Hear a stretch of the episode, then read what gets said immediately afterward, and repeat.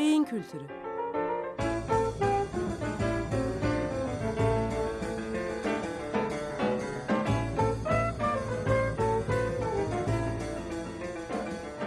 Tarihten, sanattan ve edebiyattan örneklerle beyin.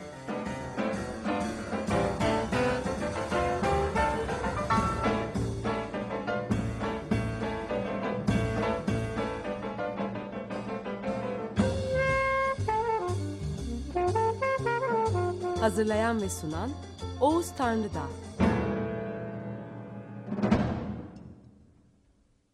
Aa, merhabalar efendim. Bugün 18 Mayıs. Ee, hepinize iyi günler diliyorum. Bu programda ee, çocuk beyninin özelliklerine bir giriş yaparak özellikle çocuğun dil öğrenmesi ve konuşması üzerinde durmak istiyorum. Normal doğan çocukların ya da doğumdan sonra normal büyüme süreçlerine giren çocukların ne zaman konuşmaya başladıklarını herkes bilir. Örneğin insanlara bir çocuğun 6 aylıkken konuştuğunu ya da 3 yaşında henüz konuşamadığını söylediğinizde genel bir hayret uyandıracağı kesindir. Üstelik bu gibi durumların çocuğun beyin gelişimi bağlamında yorumlanması, yorumlanmak zorunda olduğu, olduğu, olunduğunda herkes tarafından e, tahmin edileceğini varsayıyoruz. Kısacası bir çocuğun hangi yaşta dil sahibi olabileceği ve bunun gerçekleşmesinde bir sıra dışılık olduğunda bunun nedeninin büyük bir olasılıkla beyinsel olabileceği konusu özel bir bilgilenme ve uzmanlaşma gerektirmeyen bilgiler arasında toplumda yerleşmiştir. Buna karşın dil öğrenme ve konuşma sürecinde beyinde neler olduğu, hatta beyinde bir şeyler olup olmadığı uzmanların bile henüz yeterince cevaplandırabileceği türden konular değildir. Bu iki üç uç arasındaki yani gündelik söylemlerdeki yaygın isabet ve bilimsel açıklamaların henüz e, yaygınlaşmamış olması arasındaki uçurum dikkat çekicidir. Gündelik söylemlerdeki isabet, insanların belki de binlerce yıldır benzeri türden yaşadığı olayların birikimidir ya da çökeltisidir. Bilim, e, bilim dünyasındaki durum ise beyinle ilgili bir bilimsel uğraşların sadece 150 yıllık bir tarihin olmasından kaynaklanmaktadır. Ancak son 10-15 yıl içinde yoğunlaşan beyin araştırmaları gizemli bir dünyanın kapılarını yavaş yavaş aralamaktadır. Bu programda sizlere anlatılacak olanlar çoğunlukla kapının altından sızıp da gün ışığına yeni çıkan türden bilgilerdir. Evet, temel sorumuz konuşma ve dil öğrenme sürecinde bir bebeğin beyninde neler olmaktadır sorusudur. Bu sorunun yanıtlanmasında beyin araştırmaları tarafından ortaya konulanları adım adım özetleyelim. Diğer bir deyimle çocuk beyni konusundaki kültürümüzü arttırmaya çalışalım. İnsan türüne ait her çocuk ve o çocuğun beyninde yeryüzündeki bütün gramer kurallarını çözebilecek özellikte bir hazırlık vardır. Çocuk doğarken böyle bir hazırlıkla doğar. Bu aşamada doğan her çocuk doğal bir dünya vatandaşıdır. Genetik ve fiziksel özellikleri ne olursa olsun, ister Çinliye benzesin, ister Akdenizliye, ister derisinin rengi siyah olsun, ister beyaz, dünya vatandaşıdır. Bu dünya vatandaşı bebek, 8-10 ay süresince kimin çocuğu olursa olsun bu özelliğini sürdürecek ve bu sürenin sonunda yavaş yavaş dünya vatandaşlığından çıkarak bir kültüre ait olmaya başlayacaktır. Bunun görünür hale gelmekte olan en önemli göstergesi, dünya vatandaşı olarak yeryüzünün bütün dillerini öğrenebilme yeteneğine sahip bir beynin, geçen 8-10 aylık süre içinde içine doğduğu topluma ve kültüre ait dilin seslerini duya duya, beyninde tuttuğu istatistik doğrultusunda o toplumun ve o kültürün dilini konuşmaya başlaması olacaktır. O andan itibaren dünyanın tüm gram, gramer koşullarını çözebilme yeteneğinde olan bir beyin, artık belirli bir dilin kuralları içinde düşünmeye, anlamaya ve konuşmaya başlayacaktır. Diğer bir anlatımla, evrensel bir yeteneği olan bir beyin, tek bir kültüre adapte olmaya başlayacaktır. İşte ana dil, çocuğun geri dönüşümsüz ve rekabet kabul etmeyen bir adaptasyon sonucu sahip olduğu bir kimlik özelliği olarak sahip olduğu temel bir özelliktir. Çocuk beyninde yaşanan bu özel anlam ve kodlama süreci kendi toplumsal ve kültürel ana dilinin konuşulduğu bir ortamda yaşandığında ne merak uyandırır ne de sürpriz bir gelişme olur. Herkesin olmasını beklediği ve gördüğü doğal bir gelişimdir sadece bu. Yani örneğin ana dilinin Türkçe olduğu bir ortamda doğan çocukların Türkçe konuşması, ana dilin İspanyolca olduğu bir ortamda doğan çocukların İspanyolca konuşmaya başlamalarında hayret edecek, sürpriz kabul edilecek bir şey olmaz. Konuya ister dinamik açıdan yani öğrenme süreçleri açısından, ister beyinsel yani seslere yönelik istatistik tutan bir beyin mekanizması açısından bakın. Bu gelişme toplum, aile ve o dili konuşmaya başlayan çocuk açısından gayet normaldir. Ancak ana dil e, dil kazanma süreci bir çocuk açısından her zaman bu kadar beklenen ve doğal bir ortamda oluşmaz. Eğer etraftaki sesler konusunda istatistik tutmaya başlayan bir çocuğun beyni o istatistiği anne babanın göç ettiği ülkenin ve kültürün dili üzerinden ya da anne babanın mensubu olmadığı bir çoğunluğun dili üzerinden yaparsa yabancılaşma, asimilasyon ve kimlik karmaşası gibi kavramlar ortaya çıkmaya başlar. Beyninde farkında olmadan bu karmaşaları yaşayan bir çocuğun elbette ki öğrenme güçlükleri psikolojik ve pedagojik problemleri olacaktır. Dil kazanımı ve kullanımı göç ve azınlık olguları bağlamında bu denli yakıcı bir olgudur. Üstelik beyin araştırmaları bu olgunun sadece kültürel ve sosyolojik bir olgu olmanın ötesinde beyinsel bir olgu, daha doğrusu sorun olduğunu göstermektedir. Başka kültürlere e, ve o başka kültürlere ve çoğunluklara ait olan dilin o kültürlere ve çoğunluklara ait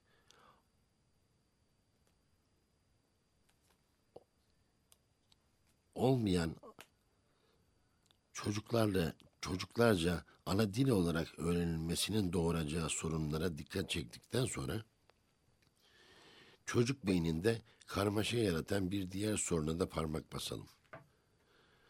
Bu örnekte ana dil çocuğun kendi kültüründen, toplumsal grubunun ve ailesinin dili olarak öğrenilmiş olsun. Eğer bu dil çocuğun eğitim süreçlerinde kullanılan dil değilse, yani çocuk kendi ana dilinin dışındaki bir dilde eğitim görüyorsa ki bu dil yabancı bir ülkenin dili de olabilir, kendi ülkesindeki resmi dil de olabilir.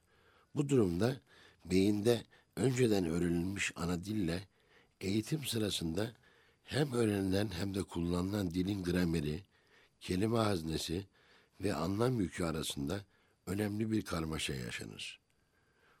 Bu karmaşanın boyutu öncelikle ana dil öğrendikten sonra resmi dille tanışmanın süreciyle doğru orantılıdır.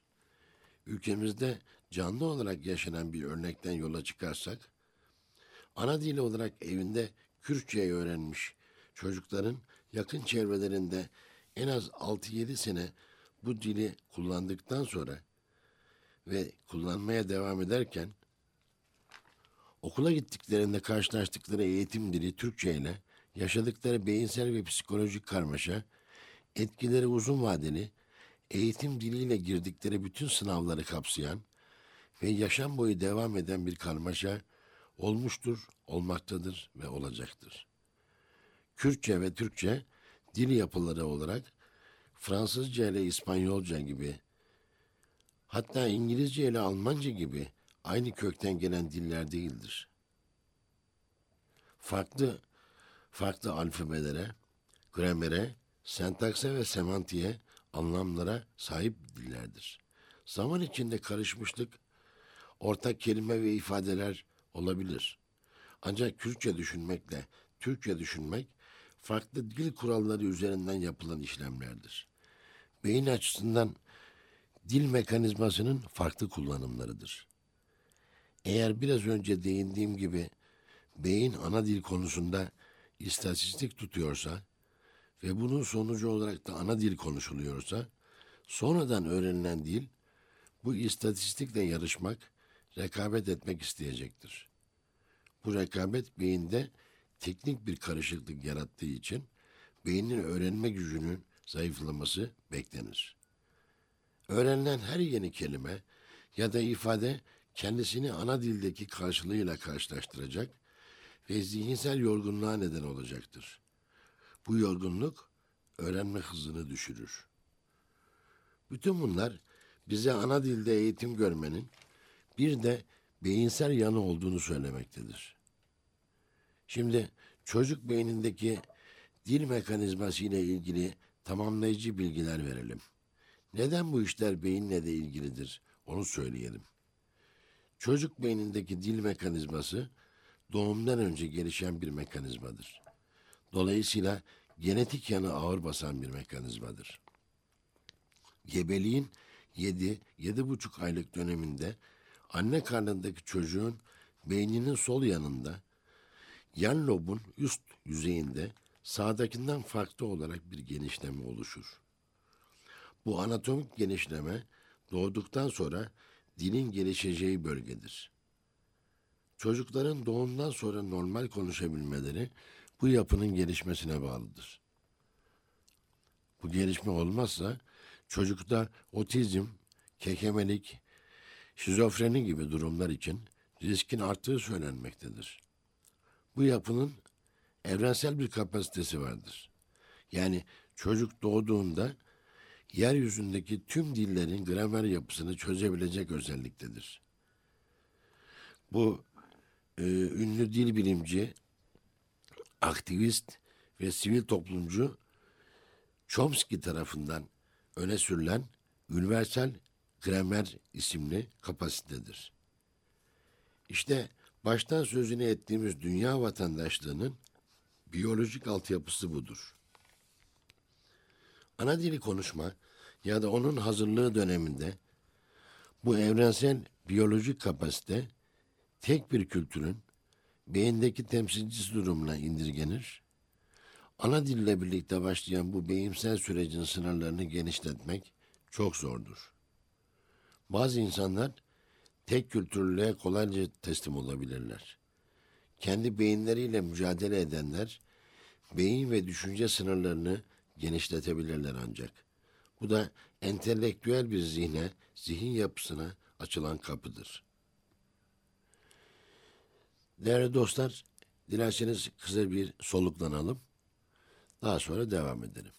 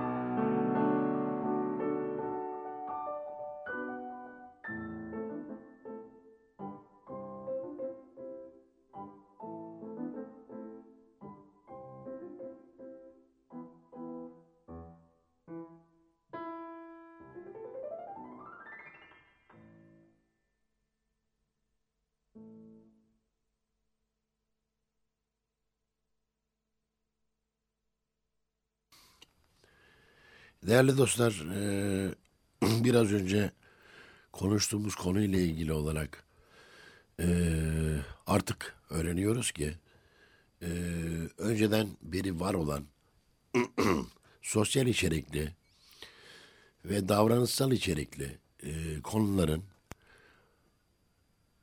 artık birebir deyimsel yanını içeren bilgilerin kazanıldığı ve tartışıldığı bir dönem içine giriyoruz.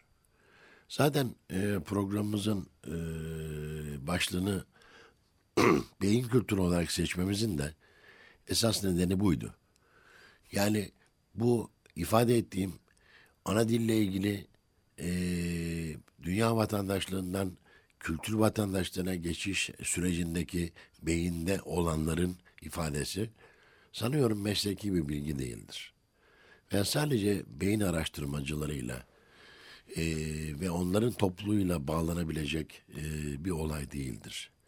Bugün için e, çocuk olayına hem kendi bağlamında hem e, akrabalık bağlamında veya toplumsal sosyolojik bağlamda eğitim bağlamında merak duyan herkesin birebir bilgileri arasına katılmak zorundadır.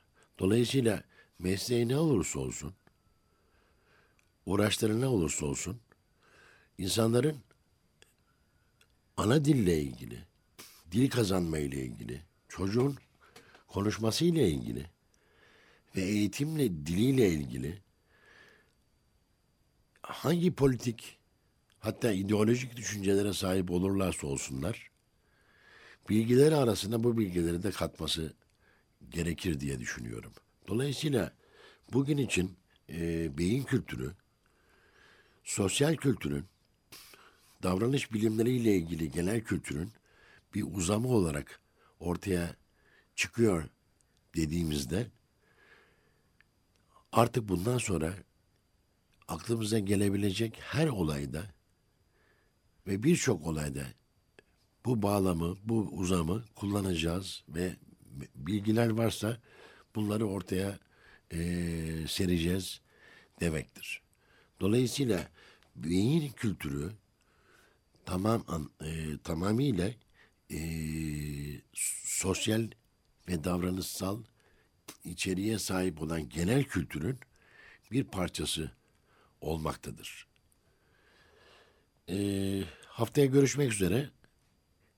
Hoşçakalınız efendim. Kültürü.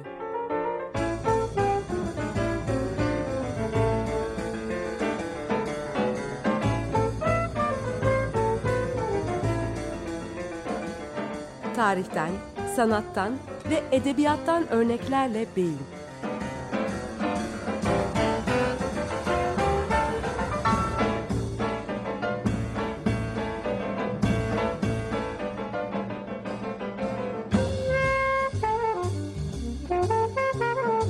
Hazırlayan ve sunan Oğuz Tanrıdağ. Açık Radyo program destekçisi olun. Bir veya daha fazla programa destek olmak için 212 alan koduyla 343 41 41.